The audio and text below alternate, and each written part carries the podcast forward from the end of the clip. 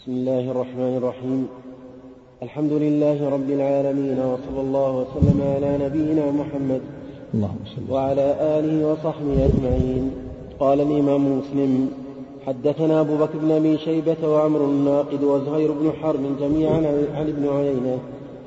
قال أبو بكر حدثنا سفيان بن عيينة قال حدثنا أيوب بن موسى عن نبيه بن وهب قال خرجنا مع أبان بن عثمان حتى إذا كنا بملل. اشتكى عمر بن عبيد الله عينيه. حتى يكون- كنا بالروحاء اشتد وجعه. حتى حتى إذا كنا بملل. نعم. اشتكى عمر بن عبيد الله عينيه فلما كنا بالروحاء اشتد وجعه. فأرسل إلى أبان بن عثمان يسأله. فأرسل إليه أن أن أن أن يضمد أن يضمدهما بالصبر. فإن عثمان رضي الله عنه حدث عن رسول الله صلى الله عليه وسلم في الرجل إذا اشتكى عينيه وهو محرم ضمدهما بالصبر. وحدثنا إسحاق بن إبراهيم الحنظلي قال حدثنا عبد الصمد بن عبد الوارث قال حدثني أبي قال حدثنا أيوب بن موسى قال حدثني نبيه بن وهب أن عمر بن عبيد الله بن معمر رمدت عينه فأراد أن يكحلها فنهاه أبان بن عثمان وأمره أن يضمدها أن يضمدها بالصبر. وحدث عن عثمان بن عفان عن النبي صلى الله عليه وسلم أنه فعل ذلك. بسم الله الرحمن الرحيم. الحمد لله رب العالمين والصلاة والسلام على نبينا محمد وعلى آله وصحبه أجمعين أما بعد. ففي هذا الحديث دليل على أنه لا بأس بعلاج العين للمحرم أن يعالج عينه بالقطرة أو ما أشبه ذلك وكذلك يداوي جرحه إذا كان فيه جروح في جسمه فلا بأس أن يعالجها بغير, الطيب. وكذلك له أن يكحل عينه. كحل ليس فيه طيب وليس فيه جمال لا بأس. وأما قول أما نهي أبان عن عن الكحل فهذا اجتهاد منه. الصواب أنه لا بأس بكحل الصائم للمحرم. كما أنه لا بأس به للصائم أيضا. لا إلا إذا كان فيه جمال. إذا كان فيه جمال فهي- فالمحرم شعث لا يتجمل. الصبر يعني الصبر المعروف يعني لا أن نضمدهما بالصبر اجتهادا منه ولا يكحلهما لكن الصواب له أن يكحلهما بكحل ليس فيه جمال. نعم. كما أن الصائم له أن يكتحل. وأما حديث نهي عن نهي الصائم عن الكحل قال يتقي الصائم وحديث ضعيف عند أهل العلم. نعم. وحدثنا أبو بكر بن أبي شيبة وعمر الناقد وزهير بن حرب وقتيبة بن سعيد قالوا حدثنا سفيان بن عيينة عن زيد بن أسلم حاء وحدثنا قتيبة بن سعيد وهذا حديثه عن مالك بن أنس فيما قرئ عليه عن زيد بن أسلم عن إبراهيم بن عبد الله بن حنين عن أبيه عن عبد الله بن عباس رضي الله عنهما والمسور بن مخرمة أنهما اختلفا بالأبواء فقال عبد الله بن عباس رضي الله عنهما يغسل المحرم رأسه. وقال المسور لا يغسل المحرم رأسه. فأرسلنا فأرسلني ابن عباس إلى أبي أيوب الأنصاري رضي الله عنه أسأله عن ذلك فوجدته يغتسل بين القرنين وهو يستتر بثوب قال فسلمت عليه فقال من هذا؟ فقلت أنا عبد الله بن حنين. أرسلني إليك عبد الله بن عباس. أسألك كيف كان رسول الله صلى الله عليه وسلم يغسل رأسه وهو محرم؟ فوضع أبو أيوب رضي الله عنه يده على الثوب فطأطأه حتى بدا لي رأسه ثم قال الإنسان يصب.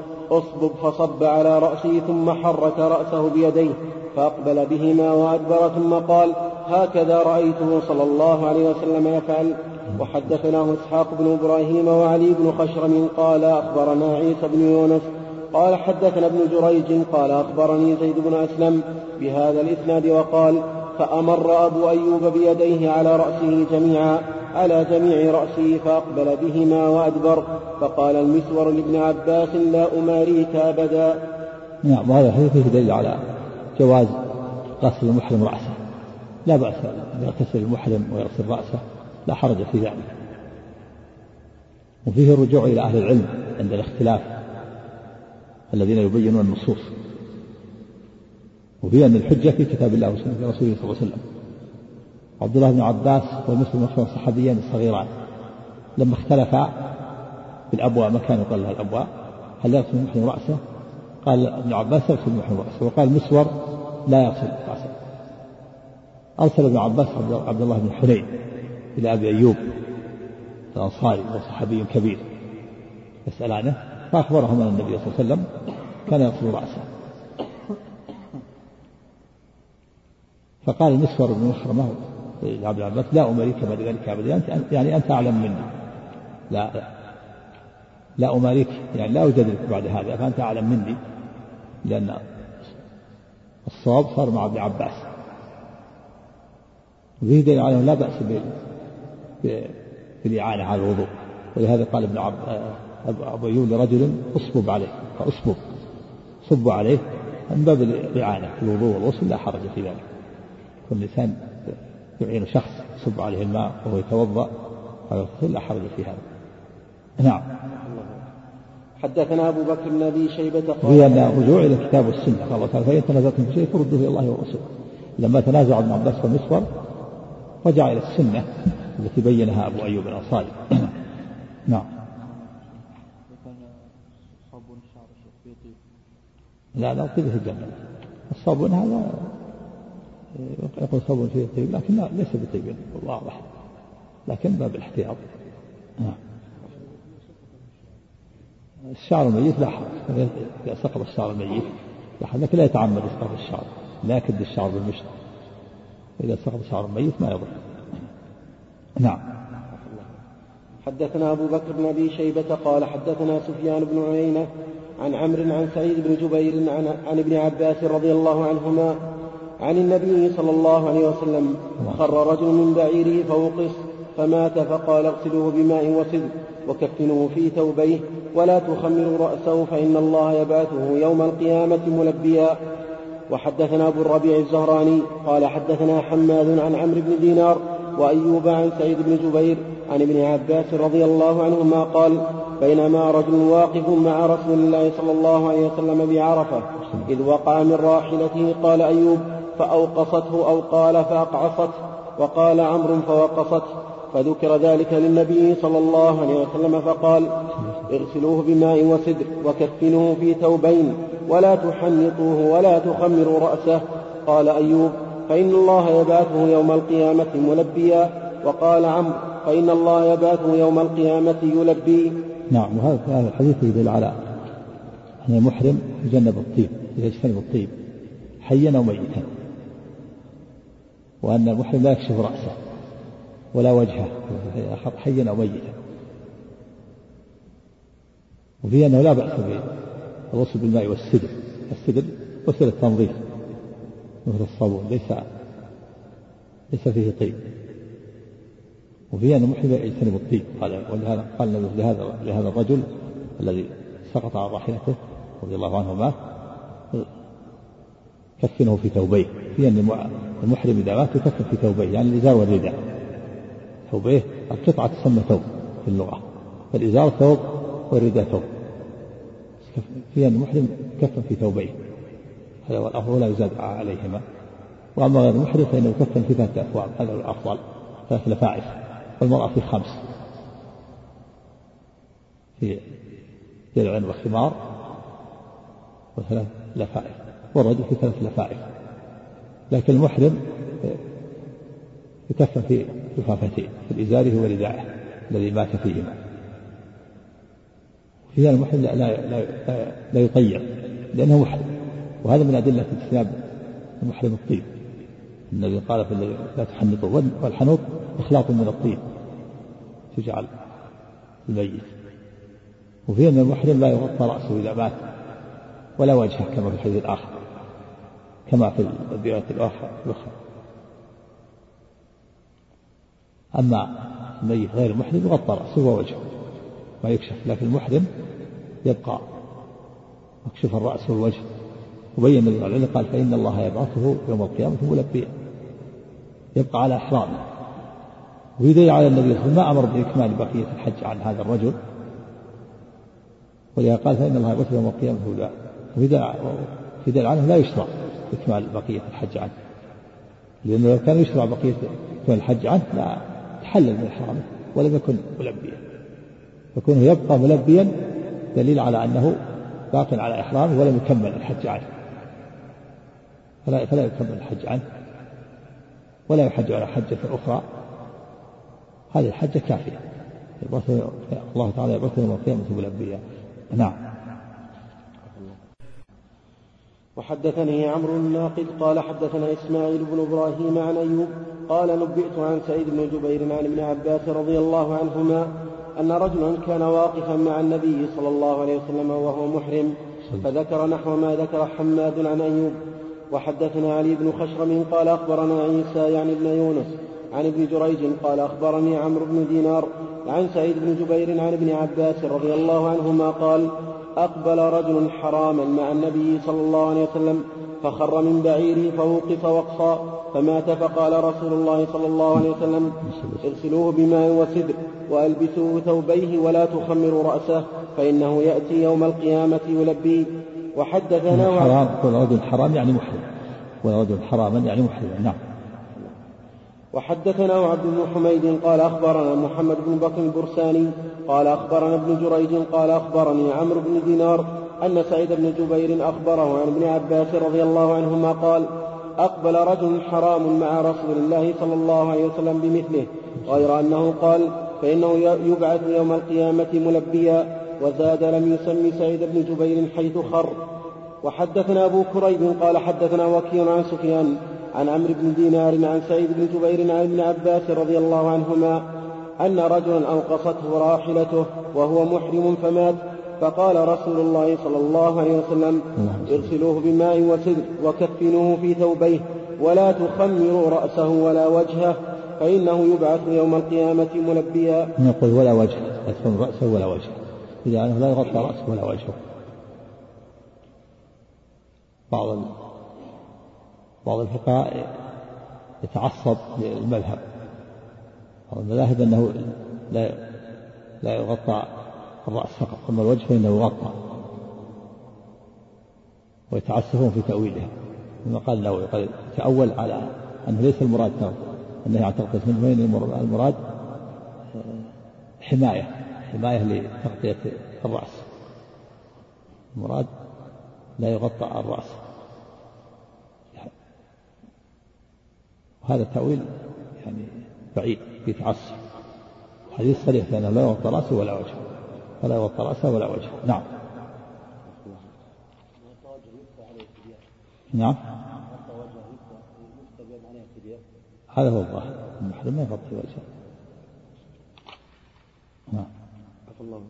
إذا تعمد إذا تعمد نعم. نعم. وحدثنا محمد بن الصباح قال حدثنا هشيم قال أخبرنا أبو بشر قال إيه. حدثنا سعيد حدثنا محمد بن الصباح. وحدثنا محمد بن الصباح قال حدثنا هشيم. هشيم. هشيم. هشيم نعم هشيم نعم نعم. قال أخبرنا أبو بشر قال حدثنا سعيد بن جبير عن ابن عباس رضي الله عنهما حاول وحدثنا يحيى بن يحيى واللفظ له قال أخبرنا هشيم عن أبي بشر عن سعيد بن جبير عن ابن عباس رضي الله عنهما أن رجلا كان مع رسول الله صلى الله عليه وسلم محرما فوقصته ناقته فمات. فقال رسول الله صلى الله عليه وسلم اغسلوه بماء وسدر وكفنوه في ثوبيه ولا تمسوه بطيب ولا تخمروا رأسه فإنه يبعث يوم القيامة ملبدا. وحدث ملبدا. يعني الآخر ملبدا ملبدا يعني ملبدا رأسه وهو أن يجعل على رأسه شيئا يجمعه حتى يتشعر كالصمغ والعسل أو العسل.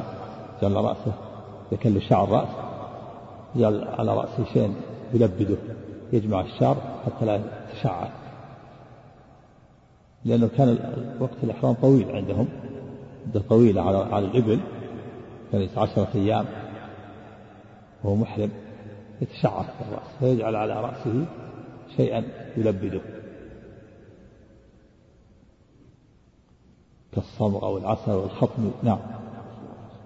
وحدثني أبو كامل فضيل بن حسين الجحدري قال حدثنا أبو عوانة عن أبي بشر عن سعيد بن جبير عن ابن عباس رضي الله عنهما أن رجلا وقصه بعيره وهو محرم مع رسول الله صلى الله عليه وسلم فأمر به رسول الله صلى الله عليه وسلم أن يغسل بماء وسدر ولا ولا يمس طيبا ولا يخمر ولا يخمر رأسه فإنه يبعث يوم القيامة ملبدا.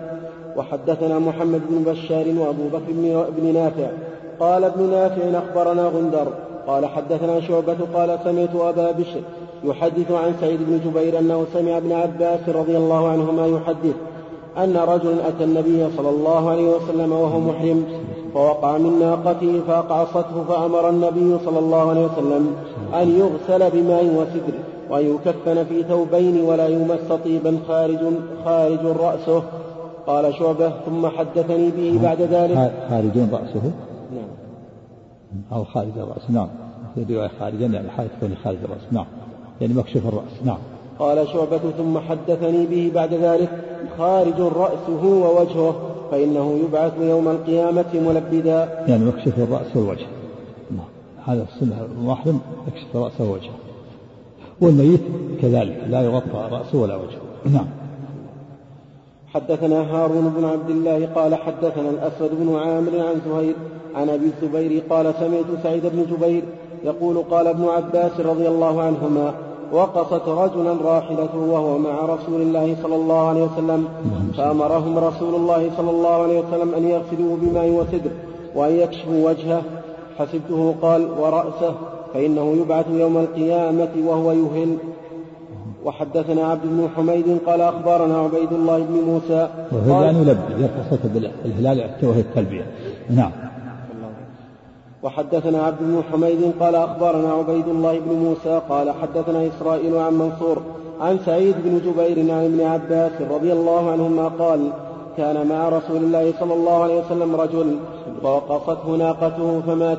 فقال النبي صلى الله عليه وسلم ارسلوه ولا تقربوه طيبا ولا تغطوا وجهه فإنه يبعث يلبي حدثنا أبو كريب محمد بن العلاء الهمداني قال حدثنا أبو أسامة عن هشام عن أبيه عن عائشة رضي الله عنها قالت دخل رسول الله صلى الله عليه وسلم على ضباعة بنت الزبير فقال لها أردت الحج؟ قالت والله ما أجدني إلا وجعة. فقال لها حجي واشترطي. وقولي اللهم محلي حيث حبستني وكانت تحت المقداد.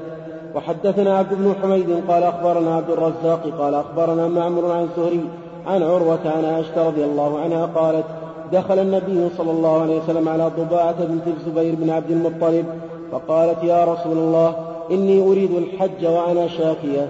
فقال النبي صلى الله عليه وسلم حجي واشترطي أن محلي حيث حبستني. وحدثنا عبد بن حميد قال أخبرنا عبد الرزاق قال أخبرنا معمر عن هشام عن هشام بن عروة عن أبيه عن عائشة رضي الله عنها مثله. وحدثنا محمد بن بشار قال حدثنا عبد الوهاب بن عبد المجيد وأبو عاصم ومحمد بن بكر عن ابن جريج. حاول وحدثنا إسحاق بن إبراهيم اللفظ قال أخبرنا محمد بن بكر. قال أخبرنا ابن جريج. قال أخبرني أبو الزبير. أنه سمع طاووسا وعكرمة مولى ابن عباس عن ابن عباس أن ضباعة بنت الزبير بن عبد المطلب رضي الله عنها أتت رسول الله صلى الله عليه وسلم فقالت إني امرأة ثقيلة وإني أريد الحج فما تأمرني؟ قال أهل لي بالحج واشترطي أن محلي حيث تحبسني قال فأدركت. نعم أدركت. يعني أتم تمام الحج ولم يصبها شيء. وهذا الحديث يدل على على مشروعية اشتراط الحج. إذا كان خائفا ألا يتم أعمال الحج أو مريضا فإنه له أن يشترط يشترط فيقول لبيك عمرة ولبيك حجة وإن حبس بحابس فمحلي حيث حبستني فمحلي يعني فإحلالي ليس وليس محلي لا. المحل المكان. والمحل محلي حيث حبستني وهذا له وجه. الوجه الأول أن يقول إن حبس الحبس محلي حيث حبستني والوجه الثاني يقول إن حبس الحبس فلي أن أحل. فلي أن أحل يعني يجعل خيار له. إن شاء حل وإن شاء لم يحل.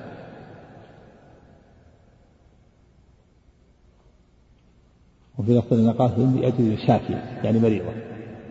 فدل هذا على أن الإنسان إذا كان مريضا أو خائفا ألا يتم عمل الحج له أن يشترط. وضباع هذه بنت الزبير بن عبد المطلب ابن عم النبي صلى الله عليه وسلم. هي ابنة ابنة عم النبي صلى الله عليه وسلم. وكانت تحت المقداد الأسود وكان مولى من الموالي وهي حرة قرشية. دل على أنه لا بأس أنه لا يشترط الكفاءة في النكاح لا بأس بأن تتزوج. الحرة القرشية تأخذ مولى من الموالي. لا حرج في الدين. مثل تزوج الآن. خضيرية قبيلية تزوج خضيري. شاء عند الناس أنها إذا قال تزوج القبيلة خضيري ينكرون هذا لا بأس من جهة الدين لكن إذا خاف فتنة أو كذا فلا.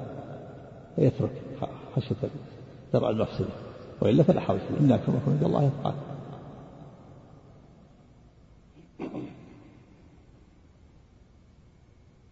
أبو حذيفة زوج ابنة أخيه مولى أيضا.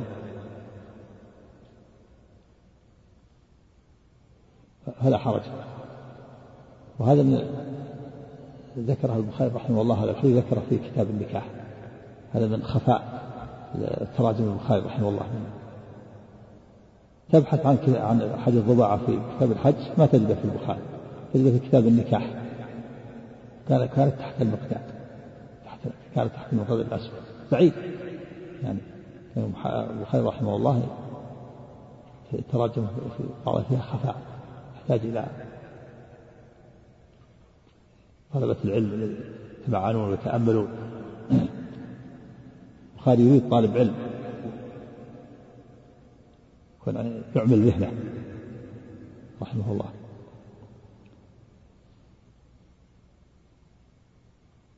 وهل لكل إنسان يشترط في الحج؟ وليس له أن يشترط. الفقهاء من الحنابلة وغيرهم قالوا كل واحد يشترط. قالوا أراد أن يحرم الحنابلة متأخرون في الزاد وشرح الزاد. قل إذا أراد أن قال اللهم إني نويت العمرة. فيسرها لي وتقبلها مني. وإن حبس حابس فمحل حيث حبستني. وفائدة هذا الشرط أنه إذا اشترط وحصل له مانع من اكتمال بقية الحج مرض أو غيره فإنه يخرج من إحرامه ولا شيء عليه لأنه اشترط. اشترط على ربه وله شرطه.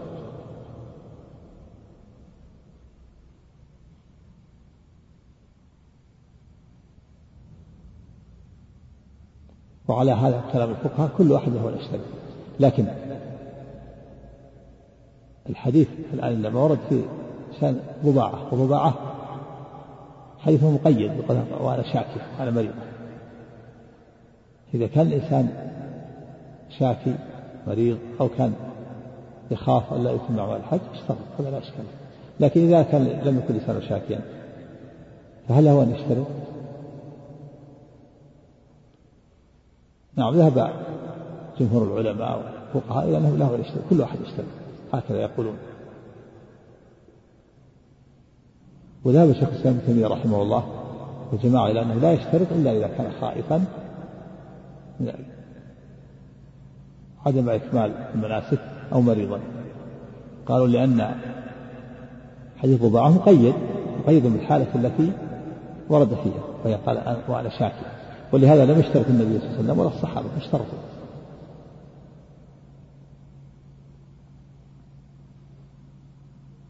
وعلى هذا على قول الشيخ الإسلام لو اشترط وهو لا يخاف فلا ينفعه الشرط ما ينفعه كما أن قول الفقهاء اللهم إني أريد العمرة فيسرها لي هذا بدعة لأنه تلفظ بالنية والنية لا يتلفظ بها.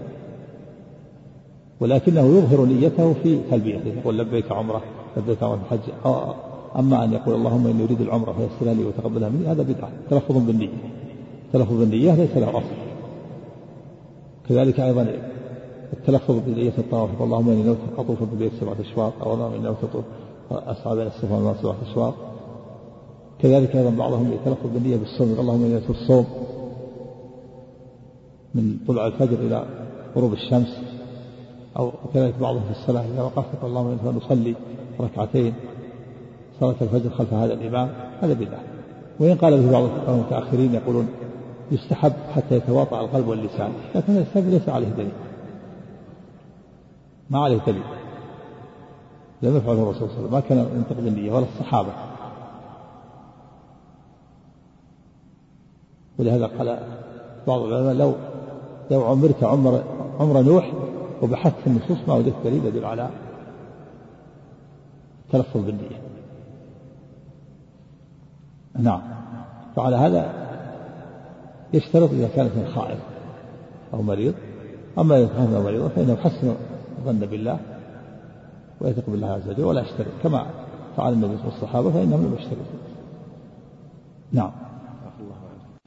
حدثنا هارون بن عبد الله قال حدثنا أبو داود الطيالسي قال حدثنا حبيب بن يزيد عن عمرو عن عمرو بن هرب عن عمرو بن هرم عن سعيد بن جبير وعكرمة عن ابن عباس رضي الله عنهما أن ضباعة أرادت الحج فأمرها النبي صلى الله عليه وسلم أن تشترط ففعلت ذلك عن أمر رسول الله صلى الله عليه وسلم. وحدثنا إسحاق بن إبراهيم وأبو أيوب الغيلاني وأحمد بن خراش. قال إسحاق أخبرنا وقال الآخران حدثنا أبو عامر وهو عبد الملك بن عمرو. قال حدثنا رباح وهو ابن, وهو ابن أبي معروف عن عطاء عن ابن عباس رضي الله عنهما أن النبي صلى الله عليه وسلم قال لضباعة رضي الله عنها حجي واشترطي أن محلي حيث تحبسني وفي رواية إسحاق أمر ضباعة حدثنا هناد بن السري وزهير بن حرب وعثمان بن أبي شيبة كلهم عن عبدة قال زهير حدثنا عبدة بن سليمان عن عبيد الله بن عمر عن عبد الرحمن بن القاسم عن أبيه عن عائشة رضي الله عنها قالت نفست أسماء بنت عميس بمحمد بن أبي بكر بالشجرة فأمر رسول الله صلى الله عليه وسلم أبا بكر يأمرها أن تغتسل وتهل نفست يعني ولدت. وسمي الوالد النفاس لأنه خرج منها نفس وهو الولد. وبالشجرة يعني في الحليفة. الشجرة التي في ذي الحليفة. من الشجرة في ذي الحليفة. وفي هذا الحديث يدل على أن على مشروعية الاغتسال للمحرم حتى ولو كان المحرم حائضا أو نفسا يشرع الاغتسال. فأسمى بنت عميس امرأة أبي بكر رضي الله عنه كانت حاملا خرجوا من المدينة خرجوا من المدينة في الحج فلما وصل ذي الحليفة وهو قريب من المدينة ولدت. نفست. ولد أسماء ولد أسماء محمد بن أبي بكر. فأرسلت إلى النبي صلى الله عليه وسلم ماذا تعمل؟ تريد الإحرام. فأمرها النبي فأمر النبي صلى الله عليه وسلم زوجها أبا بكر أن يأمرها بأن تستكثر بثوب. أن تتلجم وتحفظ بثوب ثم تغتسل وتهل. كذلك النبي صلى الله عليه وسلم أمر عائشة وهي حائض أن تغتسل بالإحرام فدل هذا على مشروعية الاغتسال. للمحرم ثبت النبي صلى الله عليه وسلم تجرد لإهلاله واغتسل قبل أن يحرم. فدل هذا على مشروعية الاغتسال للمحرم إذا كانت الحائض والنفس مأموران بالاغتسال فغيرهما من باب أولى. نعم. هذا اغتسال للإحرام وإذا طهرت الحائض والنفس بعد ذلك تغتسل غسل الحيض وغسل النفاس. لكن هذا للإحرام. نعم. حدثنا أبو غسان محمد بن عمرو قال حدثنا جرير بن عبد الحميد عن يحيى بن سعيد عن جعفر بن محمد عن أبيه عن جابر بن عبد الله رضي الله عنهما في حديث أسماء بنت عميس حين نفست بذي الحليفة أن رسول أن رسول الله صلى الله عليه وسلم أمر أبا بكر رضي الله عنه فأمرها أن تغتسل وتهل. نعم تهل يعني تلبي نعم. تحرم وتلبي نعم. حدثنا يحيى بن يحيى التميمي قال قرأت على مالك عن ابن شهاب عن عروة عن عائشة رضي الله عنها أنها قالت خرجنا مع رسول الله صلى الله عليه وسلم عام حجة الوداع فأهللنا بعمرة ثم قال رسول الله صلى الله عليه وسلم من كان معه هدي فليهل بالحج مع العمرة ثم لا يحل حتى يحل منهما جميعا. قالت فقدمت مكة وأنا حائض لم أطف بالبيت ولا بين الصفا والمروة فشكوت ذلك إلى رسول الله صلى الله عليه وسلم فقال انقضي رأسك وامتشطي وأهلي بالحج ودعي العمرة. قالت ففعلت فلما قضينا الحج أرسلني رسول الله صلى الله عليه وسلم. مع عبد الرحمن بن أبي بكر إلى التنعيم فاعتمرت فقال هذه مكان عمرتك. فطاف الذين أهلوا بالعمرة بالبيت وبالصفا والمروة ثم حلوا ثم طافوا طوافا آخر. بعد أن رجعوا من منى لحجهم. وأما الذين كانوا جمعوا الحج والعمرة فإنما طافوا طوافا واحدا.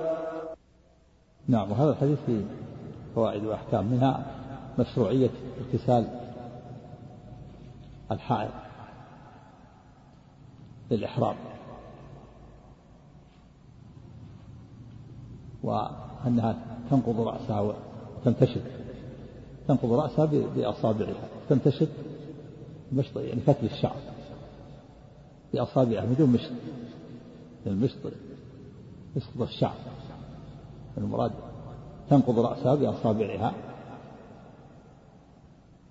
ثم تمتشط يعني تعيد فتل الشعر مرة أخرى بعد الاغتسال بأصابعها من دون مشط. دل هذا على مشروعية الاغتسال. اغتسال الحائض للإحرام. المرأة أن تغتسل وتهل بالحج. وفي دليل على أن المرأة إذا أحرمت بعمرة ثم نزل عليه الدم فإن تبقى في بيت في مكانها ولا تدخل المسجد الحرام حتى تطهر. فإذا طهرت اغتسلت وطافت وسعت وقصرت وتحلت. وإذا كانت متمتعة فإن تفعل ذلك. فإن جاء الحج وهي على حالها جاء اليوم الثامن وهي لم تطهر فإنها تلبي بالحج. تغتسل وتلبي بالحج وتدخل الحج على العمرة وتكون قادمة. كما فعلت عائشة رضي الله عنها بأمر النبي صلى الله عليه وسلم. وتترك أعمال العمرة وتتداخل أعمال العمرة مع أعمال الحج. ولهذا قال النبي قال لها النبي صلى الله عليه وسلم امتشطي وانقض إشارك وامتشطي ودعي العمرة يعني دعي أعمالها تركي أعمالها.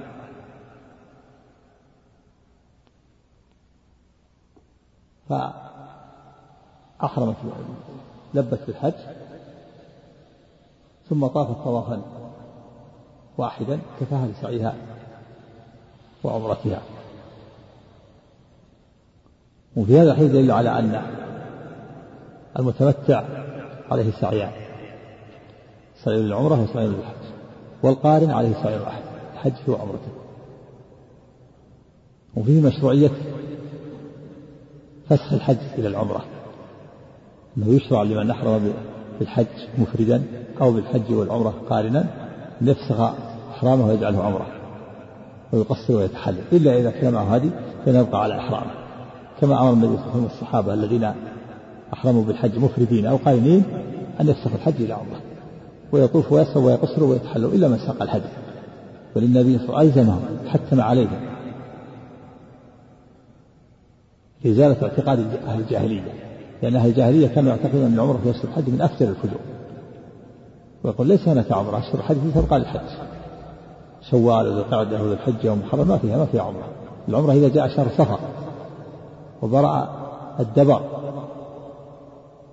وانسلخ شهر صفر حلت العمرة للمعتمر إذا جاء رجعت الإبل من الحج وبرئت الجروح التي في ظهرها وراء الدبر.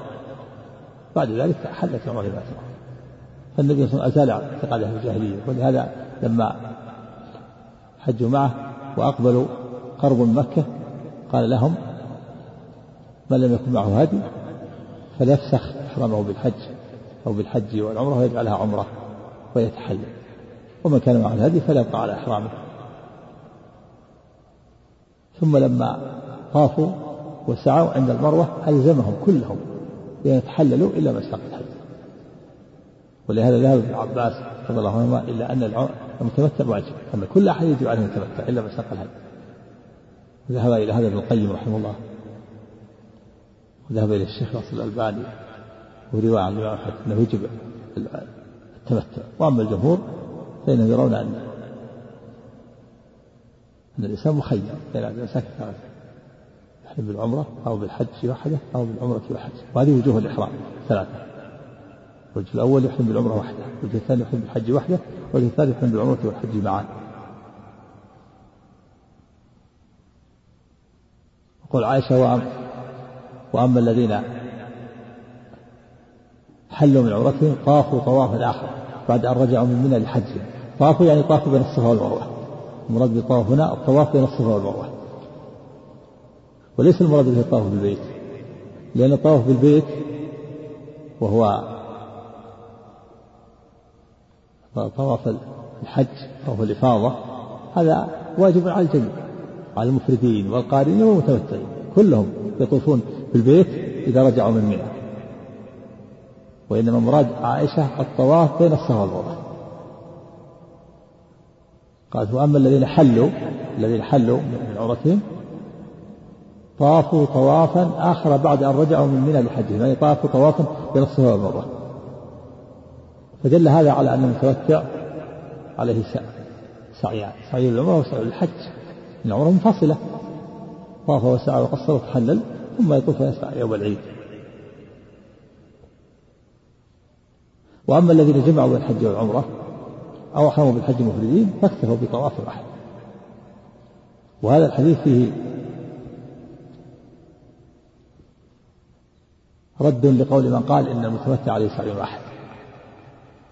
عائشة صرحت بأن بأن الذين حلوا من عمرتهم طافوا طوافا آخر. بعد أن رجعوا من الحج. أي سعوا سعي آخر بين الصفا والمروة.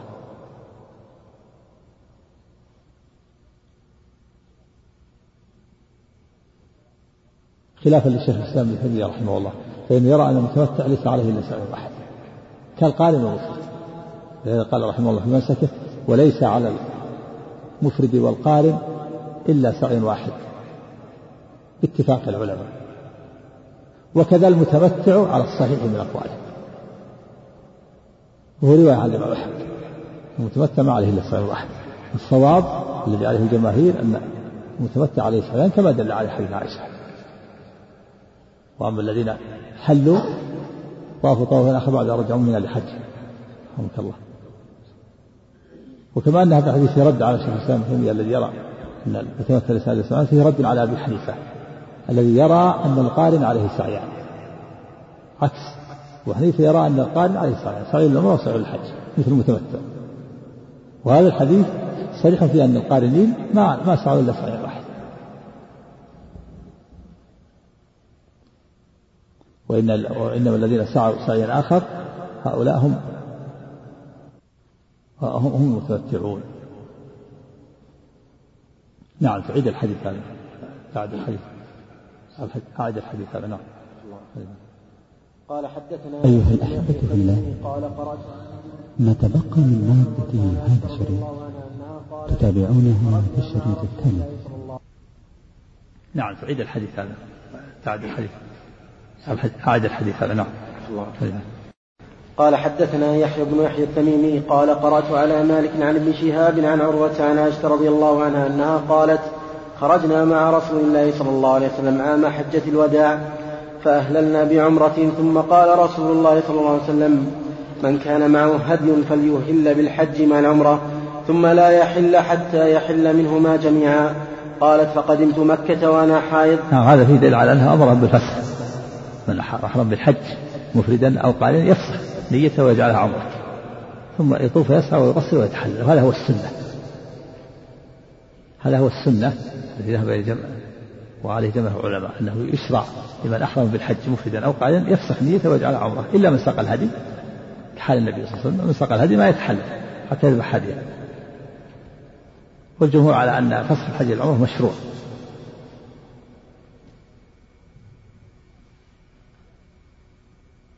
والقول الثاني أنه واجب وأنه يجب على كل أحد أن يتمتع. وإلى هذا ذهب ابن عباس. ذهب ابن عباس إلى أن كل من طاف وسعى وقصر فقد حل شاء أم أبى. اختار هذا ابن القيم رحمه الله في زاد المعاد قول ابن عباس. وهو رواية عن الإمام أحمد. أما شيخ الإسلام ابن تيمية فإنه يرى أنه في حق الصحابة واجب إذا اعتقد الجاهلية. وما بعدهم فلا فإنه مستحب. وابن القيم يقول أنا أميل إلى قول ابن عباس منه إلى قول شيخنا. ابن القيم يقول أنا أميل إلى قول ابن عباس هو قول بوجوب فصل الأمر. دون قول شيخ دون الميل إلى قول شيخنا شيخ الإسلام ابن تيمية يعني خالف شيخه في هذا شيخ الإسلام يرى أنه فصل حج العمرة مستحب ليس بواجب. ابن القيم يرى أنه واجب. كابن عباس. اختار هذا من متأخري الشيخ نصر الدين الألباني. اختار رحمه الله اختار قول لعباس وابن القيم. قال إنه يجب التمتع على كل أحد والذي عليه الجماهير أن الإنسان مخير. مخير بين الأساك الثلاثة ولكن وفسخ حج العمرة مستحب ليس بواجب نعم. قالت فقدمت مكة وأنا حائض لم أطف بالبيت ولا بين الصفا والمروة فاشتكوت ذلك إلى رسول الله صلى الله عليه وسلم فقال انقضي رأسك وامتشطي وأهلي بالحج وداعي العمرة. تنقضي تنقضه يعني بأصابعها بالمشط تنقض الفتل الشعر. وامتشطي يعني تعيد الفتل الشعر بأصابعها. لا بالمشط نعم. لعلها تنقض شعرها حتى آه، يبلغ الغسل. وهي الغسل وهي بقي على إحرامها. عائشة رضي الله عنها بقي على إحرامها. لكنها رفضت أعمال العمرة وأدخلت الحج عليه واغتسلت لإهلالها بالحج. نعم.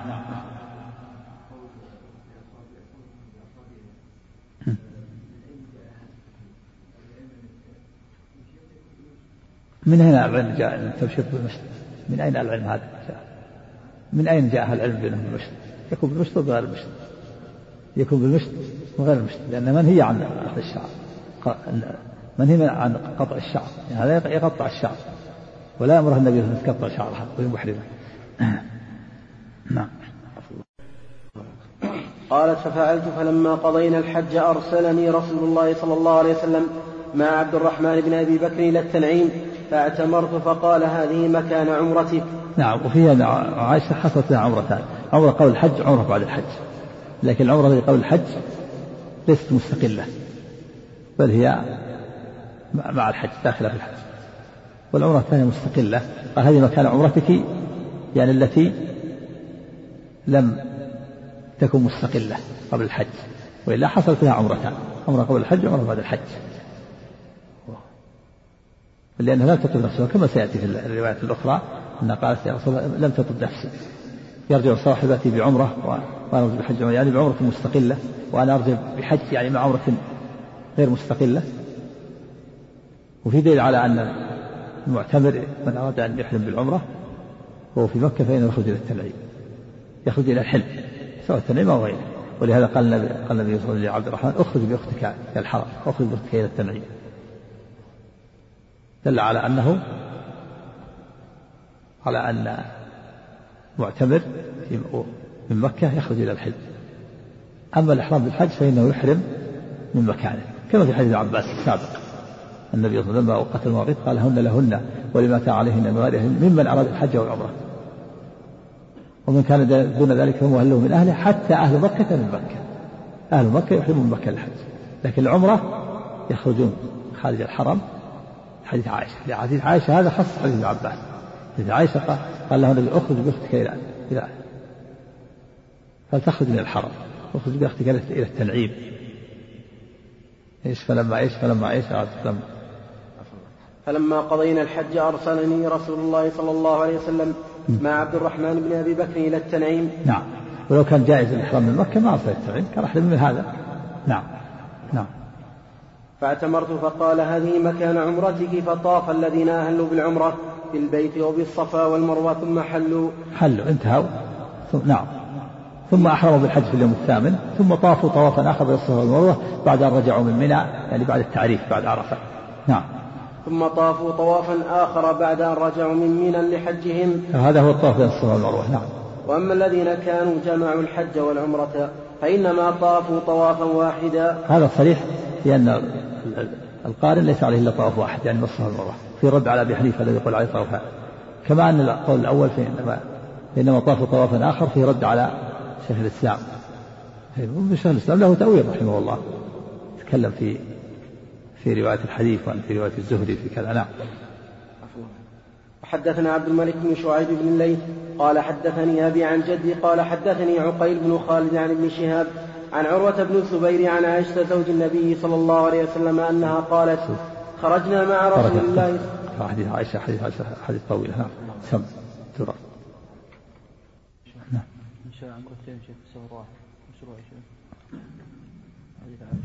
نعم. نعم. الجمهور يرون لا بأس. الشيخ الإسلام ابن تيمية يرى أن أن هذا خاص بعائشة. نعم. وأنه يرى أنه بدعة. إذا كان في زحام ما ينبغي إذا كان في زحام أو كان الوقت قريب. أما إذا طالت المدة فيكون خير